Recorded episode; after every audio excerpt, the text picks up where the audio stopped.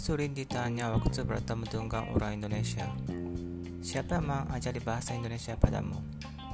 Sebenarnya aku tidak pernah diajari bahasa Indonesia, tapi kalau sebut nama siapa yang mengajari bahasa Indonesia kepadaku, mungkin itu Music Indonesia.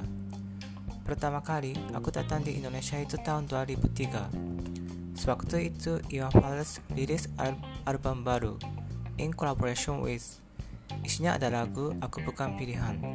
Saat tahunnya sama, Slang rilis album baru satu-satu. Isinya ada lagu Gara-gara Kamu. Dan Peter Pan rilis album pertama Taman Langit. Isinya ada lagu yang terdalam. Yang terdalam. Saat itu aku langsung jatuh cinta pada musik Indonesia. Baru kali-kali mendengar lagunya dengan, dengan Walkman Sony. Zaman itu tidak ada waktu berjalan sambil mendengar musik dengan Walkman.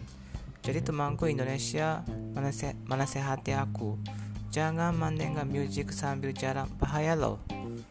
Bahkan aku diperingat-ingat, aku tidak berhenti mendengar lagu-lagunya. Sekarang mendengar musik itu gratis, tapi zaman itu berbeda, harus cari kaset di toko. Dan kerasa mendengar musik dengan Walkman itu asyik sekali. Seperti makan indomie di warung makan indomie. Tapi berasa enak. Mungkin harus ada bayarannya supaya otaknya lebih beka kali